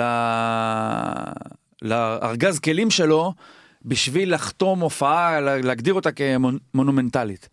וגול ברגל חלשה, אתה אומר כאילו, בואנה, אם הוא עשה את זה, אז כאילו, יש פה איזה משהו... אה, לפני שזה קורה, אתה יכול להגיד, אה, אין מצב. ואחרי זה קורה, בואנה, ברור, כאילו, גם שהוא יבעט בשמאל, ייכנס לו כאילו זה רגל ימין מחמש מטר. זה היה כאילו השער שבאמת היה חסר לו שער ברגל ימין בשביל לסגור פה בכל אה, כן, פרפקט. כל איבר אפשרי. פרפקט הטריק. עכשיו אה, הגול הזה גם הגיע למקום שמיני ב- לכל מי שצופה ב-ESPN, למצעד טופ 10 של ESPN, שהם כל יום לוקחים מהלכים מכל העולם, אז אה, כבוד לרגע הזה. עכשיו דאבור, באמת דקה לפני זה, אה, לפני הגול שלו היה כזה באמת חמוץ. אה, אגב, כמו כל חלוץ גדול שלא משנה מה קורה, כל עוד אתה לא מבקיע אתה, אתה מבואס על זה. אה, כתבתי גם על זה, לא, לא ארחיב שוב על הפסיכולוג, אבל הפסיכולוג ניגש אל הפסיכולוג האוסטרי, סימן לו, יהיה בסדר, כזה do it don't worry. דקה אחרי זה הוא כבש, מה שגורם לי לחשוב שהוא פסיכולוג טוב. אתה יודע, אבל לא, אבל סתם יכול להיות סתם. שהפסיכולוג הזה כאילו, הוא מכיר רק את דאבור כי הוא אוסטרי משהו כזה. דאבור הוא אומר, tell them. מי זה השני? לא, אני אומר לך? שפשוט ישבתי על זה, זה היה מצחיק, אבל אה, זהבי גם מסר לדאבור, דאבור קצת הרס לו שם את הבישול, אבל זה יופי, זה גול ראשון לדעתי של דאבור מאז המשחק ההוא באדורה שתיארנו, אה, דיברנו עליו קצת אה, בתחילת הפרק. עכשיו, 4-1 המצב, ולא יודע מה איתכם, אבל כשהיה 4-2 אני כבר אמרתי וואו וואו, עוד יהיה פה איזה משהו. כן, היה- היה מקרה פורטוגל, זנית, כן. גם זנית, גם זכרתי פורטוגל, היה 3-1, גרשון כבש את ה-3-1 דקה, לא יודע, 70, מתי היה? משהו כזה. כן. רמי גרשון. אה, ואגב, גם הגול השני של האוסטרים היה אחרי הצ- שארוש, לא יודע, נכנע, הצלה. הצלה למשקוף, מה כן. היה שם? אז אה, זה לערב הזה. אה, בוא רגע באמת, בכללי שנייה, נדבר 4 מ-6.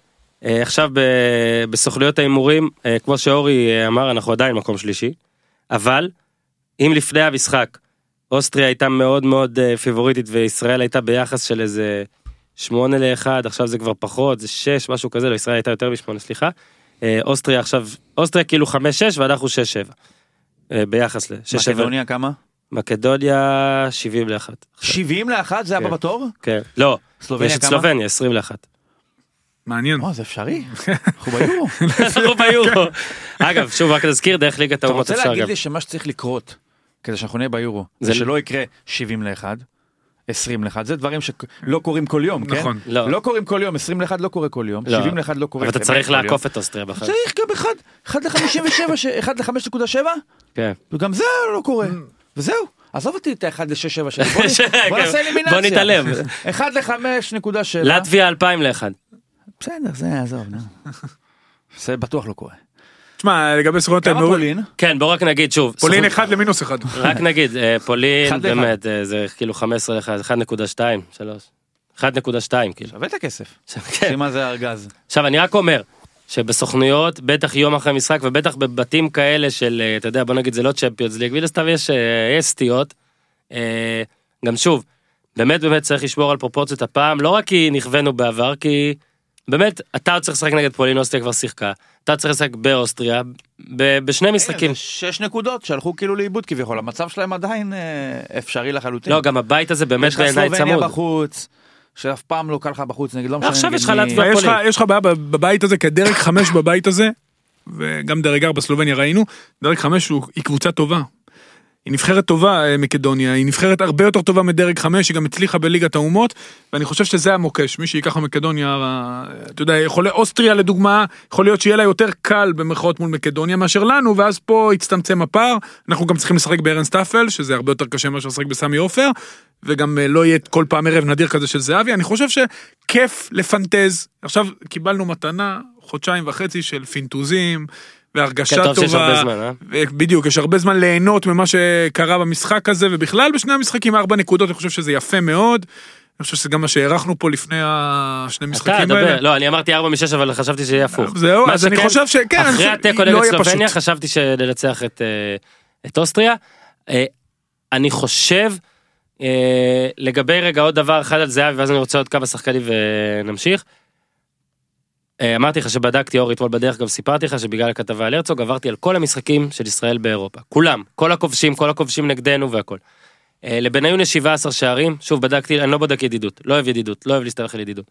לבניון יש 17. זהבי עם תשעה. אוקיי בניון הוא שיאן הגולים אה, הרשמיים תחרותיים איך שאתה רוצה לקרוא לזה. אני חושב שזה כבר אה, כמו שאומרים אין פליי. זאת אומרת שזהבי זה באמת יעד בשבילו. אני לא מצפה שהוא יכבוש שלושה כל משחק אבל כן אם יש עוד שמונה משחקים בקמפיין הזה אם הוא כובש חמישה אפילו. ואז הוא כן נשאר לעוד קמפיין הוא כן מסוגל לעשות את זה.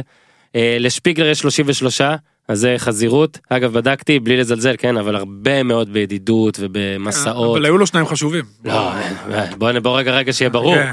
אין פה שום כוונה לזלזל בשפיגלר, אבל כן אני חושב שזה אלו יעדים חשובים לו עכשיו יותר מכל דבר אחר ולרוב הוא מגשים את, ה, את היעדים שלו. אה, גם מבחינת פגשתי שוב אני אומר את עמיקם והכל. אלון מזרחי כבש לא רק את הכי הרבה שערי ליגה אלא את הכי הרבה שערי ליגה בכל המסגרות של שחקן כדורגל ישראלי. עמיקם טוען שגם את זה זהבי יעבור. ייקח לו שלוש ארבע עונות והוא יעבור גם את זה. ובאמת צריך לחשוב כבר על הבן אדם הזה שהיה קשר אה, חצי מהקריירה, או 40 אחוז לפחות, אה, באמת הסקורר הגדול בתולדות הכדורגל פה. הסקורר. סקורר עזוב עצום. עכשיו, אני לא בא ואומר השחקן הכי גדול, שלא אנשים ישימו לי מילים בפה. אני מדבר איתך הסקורר הכי גדול. תשמע, אני אני לא אוהב גם, שוב, לא אוהב להשוות. אה. רגע, אבל גם אני לא אוהב כן, כן. להשוות. עודד מכנס היה סקורר גדול בתקופתו, נכון. דוד לביא היה סקורר גדול בתקופתו, אלון מזרחי, לא חסר. ורונן חרזי. אני חושב שכל אחד הר- בתקופתו, הרביטמן. ולא צריך להשוות, לא צריך להשוות, אה, כן, בדיוק. לא צריך להשוות אה, תקופות, לזכותו של זהבי ייאמר, שהוא עושה את זה כבר 6-7 שנים ברצף, זה מדהים. אתה יודע, מסי עושה את זה 12 שנים, שזה באמת, ורונלדו זה פשוט בלתי נתפס מה שהם עושים, אבל אה, זהבי בפרופורציות שלנו זה פשוט יוצא מן הכלל, זה משהו חריג. זהבי הוא בהחלט חריג, גם הסיפור שלו שהוא התחיל מקשר מרכזי, אפילו התחיל, בוא נחזור לרמת השרון שהוא התעקש להישאר כדי לשחק, כל הסיפור שלו הוא סיפור אה, יוצא מן הכלל, ולגבי הסיכויי ההעפלה, אני חושב שעכשיו זה בסדר, אם אחרי ארבעה משחקים אנחנו נהיה עם שמונה נקודות, אני חושב שאנחנו בהחלט, בהחלט, מה זה אחרי השניים הבאים? כן. איפה אתה תוציא נקודה בפולין? אני אומר, בגלל זה הגזמתי. בהצלחה, אתה גם שבע. מצבך טוב. שבע גם מצבך טוב, אני אבל אם אתה אומר רוצה שמונה, אני אומר לך, עם שמונה אתה עולה. אני מצטער, אני לא אתה רוצה... ברגל וחצי. לא רוצה להיות הייטר, אבל אם אנחנו מוצאים אפס נקודות בפולין, אני קונה את זה. שבע- שבע זה. נהדר. אני קונה אפס בפולין. צריך לנצח 1-0 בלטביה, לקבל נכון. 4-0 בפולין. לא, 4-0 לא טוב. לא, למה 4-0? למה להגזים? זה טוב. לא, בכוונה מקצין. רגע, רגע, רגע, אתה חושב שישראל לא תקבל הרבה גולים בפולין? אני לא יודע לגבי, אני חושב שהמטרה צריכה להיות לטביה. פולין זה בונוס. אפשר לבקש שלבדובסקי או פיונטק, מי שמהם לא פותח בהרכב בבלם יהיה מה בלם יעזור? אצלנו? יהיה בלם אצלי? מיליק. לא, שמישהו... אז מיליק יהיה בלם, הוא השלישי. שמיליק יהיה בלם אם אצלי? אתה לא. מפסיד בפולין זה אחד ההישגים הגדולים של נכון. הנבחרת הזאת בכל הזמנים. פולין אם מדהימה. אתה לא מפסיד כן, בפולין. היא מדהימה, אבל גם אתמול היא לא... אוקיי, בואו רגע. לא? הנה, שנייה. אפ, שורה שתיים על כל מי שעוד לא דיברנו עליו. אני אפתח בדגני. אה, וזה לא כי ראינו אותו אתמול באולגה. אה, אגב אהלן דגני. אני כן חושב שזה, יש גם משהו טוב ויפה וכיפי, גם אני שביקרתי אותו המון, בזה שהמשחק הזה לא מדברים, לא קשור אליו, לא קרתה איזה טעות, כאילו קרתה טעות של כולם, והוא היה חלש בהתחלה, היו לו איזה שני איבודים, אבל אני, אני, אני, אני רוצה לתת לו break כזה, אתה מבין? אני חושב שזה טוב שעשה משחק כזה וסיים אותו ככה. אה, אמנם שוב הייתה טעות בהגנה אבל לא היא, היא לא הסיפור כבר לא, היא היה- לא הסיפור היה לו קשה מאוד במחצית הראשונה, גם בגלל המיקום. אגב וצריך לה, בדיוק צריך להעריך את זה הוא גם נכון. סיפר לי אתמול בח- אמר בחיים לא הייתי כן, קשה לו בלם שמאלי. לא הייתי- לא שיחקתי את זה. ניר תיאר את זה היום בטור שלו כסוג של ורטיגו בשער ספציפית, אבל גם צריך להגיד, בפתיחת המשחק היה לו קשה עם ארנאוטוביץ', הוא... בית כדור כן. אחרי 40 שניות. כ- כ- קשה לו, הוא הולך פנימה, וזה זה כאילו, שוב, אנשים לא מבינים. שאתה-. כן, כן, הוא לא התחיל אה, טוב, אבל כל הנבחרת, כן, כל הנבחרת לא הייתה טובה. גם בן ארוש שהתקשה עם לזארו, לא אבל מחצית דגני, שנייה שלו הייתה אבל פנטסטית. זה גם על ה... זה פנטסטית. לא רק על נבחרת ישראל, זה גם על האוסטרים. אתה רואה, יש, דיברנו כרגע רק על מה זהבי עשה לישראל. בוא נסתכל על זה מהצד השני. כשאתה יורד למחצית, בפיגור 2-1, אבל לא בגלל משהו שאתה יכול לזקק אותו ולהגיד בואנה ישראל עשתה פה איזה שני מהלכים קבוצתיים שהנה מסגירות, מסגיר יכולות אה, שאין מה לעשות. אתה אומר בואנה אני פה שובר את הראש, משחק בו זה, מגיע למצבים, בן אדם אחד לוקח משחק קבוצתי והופך אותו ליתרון לקבוצה השנייה. אני חושב שהיה יותר קל לישראל להיות יותר טובה חצי שני לכל השחקנים כי שיחקת מול יריב שאמר בואנה אני כנראה אני פה חלק מאיזה אירוע מיוחד מהצד הלא נכון שלו וראיתי שהם נשברו גם קצת, אני חושב שזה מאוד מתסכל לשחק חץ, לרדת בחצית ראשונה כזאת בפיגור 2-1. אז קל יותר לדגני, על רקע, נקרא לזה, האור של, אה, של זהבי, דגני משתפר, וביברס. משתפר, ובן ארוש משתפר, וייני משתפר, וכולם משתפרים. אוקיי, מסכים. אז ייני היה בסדר, טאה אמרנו, היה יותר היה טוב, מבסדר כן. עד שהוא נפצע, הייתה- לו שם הצלה שם, אה, מהקו, דרגוביץ', כן. כן. אה, עומרי בן ארוש, בסדר גמור. שיחסית בסדר, אין לנו מה להגיד, אז בסדר. לא, לא רק זה, הוא גם כמו, הוא מאוד, המסלול של בן ארוש, גם בקריירה דרך אגב, וגם במשחק הזה, מאוד דומה לזה של דגני. לא התחיל טוב, לזרו שם עשה מה שהוא רוצה, גם עבר אותו וארוש לקח פעם, התחיל את המהלך של השער, אתה יודע, היה לו קשה בהתחלה, ואז בדקה 30 הוא נפתח, העבירה של השער השני הייתה עליו, במחצית שנייה הוא גם עשה תנועות לעומק, הוא לא הבין למה לא מוסרים לו, גם בסוף הוא התחיל לרוץ, הוא היה משוחרר, עשה החלטות טובות, היה לו יופי של משחק, צריך השאלה להגיד את אם זה. אלה שלא מסרו לו מבינים למה הם לא מסרו לו, כן. אבל זה רק השערה שלי ורק אני אמרתי את זה. היה לו יופי של משחק. דור פרץ, אני חושב שראינו משחקים יותר טובים שלו בשני המשחקים האלה, אבל הוא עובד. אבל אני כן, אני מקבל את אה, הכללתו. אה, ביברס, אני דווקא, ניר אמר את זה ב- אולי ב... יש דברים שהוא עושה שמיכה לא. אני חושב שהגדולה של ביברס אתמול ראינו בסוף. שהיה צריך קצת יותר לשמור על הכדור גם, ובכמה נגיעות מהאוויר כאלה שהוא יד- ידע לפנות את הכדור למי שצריך. אחד המשחקים הכי טובים של ביברס בנבחרת, אולי הכי טוב אחרי בוסניה. אני חושב שהוא התחיל את המשחק טוב עם טאקל חזק, מה שהוא לא עשה בכלל מול סלובניה, היה לו משחק לא טוב מול סלובניה, אולי השחקן השדה הכי פחות טוב בנבחרת הוא במשחק גם הזה. מנהיג טוב, קפטן טוב. קודם כל הוא אישיות. קודם כל, קודם כל הוא אישיות מיוחדת, והוא לא סתם קפטן, והוא באמת בן אדם שהכל מגיע לו וההצלחה שלו היא בזכותו ובאמת כיף לפרגן לו, הכי כיף לפרגן לו בעולם, והיה לו משחק נהדר אתמול, הוא גם התחיל את המהלך של השער הרביעי, מסירה על עיוור עלתה ששינתה את כל כובד המשחק, ואז טאה בנגיעה הכניס את זהבי לתנועות המפורסמות שלו. נהניתי אתמול מנתחו, באמת, היה לו משחק כמו שנתחו יודע לתת, וצריך להגיד, עוד פעם, הוא מגיע שהוא פתח בקלאסיקו היווני, אם אפשר לקרוא לזה ככה, אולימפיאקוס פאוק, והוא הרבה הוחלף במחצית. זה לא 90 דקות. כן. שם זה 50 דקות. אבל הוא הוחלף. במחצית, אפילו אה, לפני אוקיי. ה-50 דקות, והוא לא, הוא, שמע, הוא מחפש לעצמו קבוצה לעונה הבאה, הוא לא הצליח למצוא את עצמו ברוטציה של אולימפיאקוס, וזה קשה, הוא לא בקצב, ראינו את זה מול סלובניה, זה עזר לו אה, במשחק אתמול. השלישי הכי טוב במשחק היה בעיניי דסה, אני מניח שיש תמימות דעים. אה, דסה באמת, אם זהבי מת זה ציון 10 והרוש לא יודע 8 וחצי. ספג שני גולים, דסה זה 8 גם, באמת שיחק ממש טוב. אה, אתה אמרת מניותיו עלו, ואתה כנראה צודק. אם עלו מיש- מאוד, כן. אם אה, אתמול ראו, אם ראו סקאוט- מה זה סקאוטרים, אם ראו רואים? אני צוחק, בגלל זה. אמרתי את זה בתור זהבי דיברנו, דבור דיברנו. אה, טוב חבשי נכנס מחליף אתמול, אלמוג כהן נכנס מחליף, היה בסדר. אה, ותומר חמד שבטח ציפה ליותר וה... קפל את זה אגב מול סלובניה אה, הרצוג תכנן להכניס את סבע וחמד מוקדם הרבה יותר אבל הפציעות החליטו בשבילו. אנחנו יש לנו משהו להגיד על המשחק הזה? היללנו מספיק מספיק. הכל מוכן להתרסקות לא, אבל אפשר, הליגה חוזרת וואו! היללנו, אבל צריך לשים בפרופורציות, שוב. צריך ליהנות, אבל אפשר גם לדעת כן. ללמוד ליהנות, ואני מקווה שגם, אה, גם שתוצאות יהיו פחות טובות, גם יבואו ממקום של פרגון ולא ממקום של אנטי. ניר איך חוזרים לליגת העל עכשיו? שכחתי שיש ליגה כאילו עכשיו אנחנו צריכים אשכרה חוזרים, הכל בסדר. אה. נחזיק מה... יאללה. נחזיק מה... לא יש לנו הימורים יש הימורים. למרות זה משנה, שאמרנו אבל לא עקבנו אחרי מה שקורה בזה, מה מה קרה? איזה ביזיון. מה, בנבחרות? לא, בהימור של המחזור האחרון. נכון. אתה יודע בכלל מה ההפרש? שמע אנחנו? מרושלים לגמרי פה ההפרש לדעתי הוא ארבע. היה צמצום כזה אתה רוצה טוב יודע מה תקשיב לא, 14 מארבע. אבל לא התחלנו מאפס? זה זה לא משנה, אתה יודע, גם אה. התחלנו מאפס, אתה יודע מה עכשיו המצב? אני יודע, היה לי שתי בינגו במשחק. הוא מת על הבינגו טוב טוב, אני לא רואה צריך לעקוב אתם רוצים שניתן הימורים לשבוע הקרוב ואז נראה מה נעשה איתם בוא ניתן. חדרה באר שבע יאללה לא רוצה שכחתי כבר שיהיה 2-1 לבאר שבע. מותר לי להעביר על באר שבע יאללה גם. אורי? אה, לא אני הולך על 2-0 סליחה. 2-1 לחדרה. בני יהודה אני לא זוכר מי משחקים בני יהודה מכבי נתניה.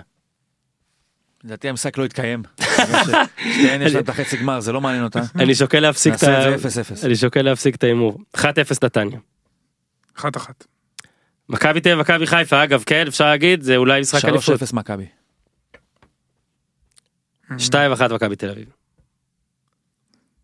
3-1 מכבי תל אביב. טוב עכשיו אני צריך ללכת ל-relegation round. מצחיק זה באתר סוקרווי. או... מכבי פתח תקווה רעננה. כן. 1-1.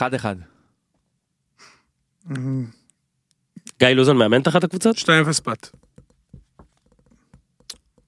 1-0 פתח. לא, אחת, אחת- אתה אמרת אחת אחת? כן. אז 0-0. אשדוד קריית שמונה. הכיתי קצת. 1-0 לאשדוד. 1-0 קריית שמונה. 1-0 אשדוד. ביתר סכנין. 2-0 ביתר. האם ביתר תסתבך נוט אתה אומר? 2-0 ביתר. 2-1 ביתר. 3-1 ביתר. 2-1 זהו. מצטער. 2-1 סכנין. 2-1. הפועל נגד הפועל חיפה. אני בחתונה, אני מחמיץ את המשחק. יואו, יואו. התחזית שלי אה, 450 שקל בצ'ק ליוסי איתך, מזל טוב ליוסי איתך. ככה אתה מפרסם? יש לי חברים ששומעים. לא, אני אגיד לך מה הסיפור, אני יכול סיפור קצר דקה? זריז, כן. יו- עכשיו, זה- יואו, זה ממש נישתי. מעולה. זה מו- מיועד לחמישה, ארבעה, שלושה אנשים. אה, אנחנו משחקים כדורגל באופן קבוע ביום שישי בשכונה בחולון, כבר איזה, אותם חבורה של אנשים כבר איזה עשר שנים אולי. יוסי איתך בשעה טובה מתחתן ביום שני הקרוב. יוסי איתך הוא דמות בעייתית, הוא שחקן אה, טוב עם פוטנציאל, אבל עם אה, אה, נפש בעייתית. הוא נוטה להרוס, לכן הוא נבחר במקום הלפני האחרון, הרבה פחות ממה שהוא שווה ככדורגלן, ולא רק בגלל שהוא מכונה המחרב. אה, אז יוסי איתך נבחר על ידינו בקבוצה, ואנחנו החלטנו ש... אתה יודע, נהמר עליו בלית ברירה, כי לא נשאר אף אחד אחר יותר טוב. אנחנו סופרים נקודות שם, זה ארבע קבוצות, 20 שחקנים, והקבוצה שלי זכתה באליפות. החלטנו כולנו, אני, עמרי, ברק ושחר, שאנחנו נכבד את יוסי איתך ב-50 שקל אקסטרה, לעומת מה שיוחלט על ידי כולם כמתנה, אתה יודע, מטעמים כמה כל אחד שם. סתם אמרתי 450, לא יודע, יכול להיות ש-550, 350, לא משנה מה. אנחנו מוסיפים לו 50 שקל מענק אליפות, לכן הוא כבר הרוויח 200 שקל יותר ממה שהוא יכול היה להרוויח בסיטואציה אחרת, אז מזל טוב יוסי איתך, ולענייננו... אה, מזל טוב יוסי איתך. 2-2.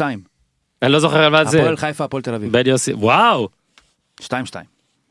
אה. אתה מחפש את לסטר אורי? אני יודע, לסטר מול בורנמוט, ברנדון רוג'רס יפנק ב-2-0. הפועל חיפה, הפועל תל אביב. 1-0 הפועל תל אביב. לא יודע למה. 1-1, אני חוזר בי. וואי, איזה, איזה מחזור גרוע שלי. אפילו לא ידעתי. טוב, תקשיבו, היה מה זה כיף. ניר, אתה רוצה משפט אחד לגרונק? אה, עכשיו כולם כזה לא יודעים. החיים שאחרי המקצוע, לא יודע מה הוא הולך לעשות, אה, הטייטד WWE. הטייטד האלוהי של הפטריוטס פרש בגיל פרש 29. 29, שאני, לדעתי באמת זה כמו, באמת כמו פוקר, שאתה צריך לדעת מתי לפרוש, לפני שאתה לוקחים לך את כל הכסף, או במקרה הזה לוקחים לך את כל הגוף. עשה מספיק, קריירה יפה מאוד, שלוש אליפויות, יותר מזה זה כבר יהיה... אני חושב שהמרחק בין שלוש לארבע לא שווה את המרחק בין אה, זעזוע מוח אחד לעוד אחד. החלטה מושכלת, צפויה, הוא התכתב עם זה כבר כמה, כבר שנתיים אולי, עם ההחלטה לפרוש. הגיע בזמן, ואני חושב שמה שכן זה מסמן, זה שקריירות יהיו אה, פחות... מה זה היה עכשיו? השתלטות... אה, כן, היה רטט שלא קשור לכלום. אה. שלי לא, הטלפון שלי לא פה בכלל. צייץ משהו. אה, אורי צייץ, אורי צייץ. אה, אורי צייץ, גבירותיי ורבותיי, כן. זה הרטט אה, אצלך. אז אה, בקיצור, אה, זה מסמן שכנראה קריירות פוטבול ילכו ויהיו קצרות יותר. אנשים ישאפו להבין לפני שנעשה הנזק מתי צריך לעצור, ואם מישהו גדול כמוהו, שאולי בגלל הפיזיות שלו הוא גם ספג יותר כי הוא מטרה יותר גדולה והוא גם האמינו שהוא יכול לעמוד ביותר אה, עומסים, אם הוא פורש בגיל 29 אז אה, זה לדעתי יהיה- אה, יאפיין עוד הרבה שחקנים כמוהו בעתיד. אורייט. תודה ניר. אורי, תודה. אני אוהב את אדלמן. סבבה, חיכית. לזה. אה, אני גיזם, יודע, בגלל זה אני רגוע. חזרת מרומניה, כמו רוח סערה, הבאת ניצחון. אגב, כשזהבי היה פה לא היית, והוא מסר לך, ואני מוסר את זה במילים המדויקות, אה, גיזל תעשי עם מותק. אז באמת, אה, אני מקווה שנהנית מספיק. תדע לך זה כן, זאת הטעות שלך. כן. זה כן, אורי היה קורא גיזל בהתחלה, כי הוא לא ידע איך אומרים אבל. בהומור, ידעתי איך אומרים. אה, אוקיי. אז תודה רבה גיזם, תודה רבה לאיתי שם מאחורי החלון, ולכלבסן. אה, תודה רבה אה, קיץ' רגע, תודה רבה לנבחרת ישראל, תשמעו, היה כיף. יאללה, עד כאן הפעם, תעשו טוב.